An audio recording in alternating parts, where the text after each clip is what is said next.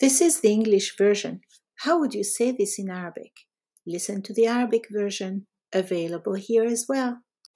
The book I'm currently writing was starting to look a bit overwhelming.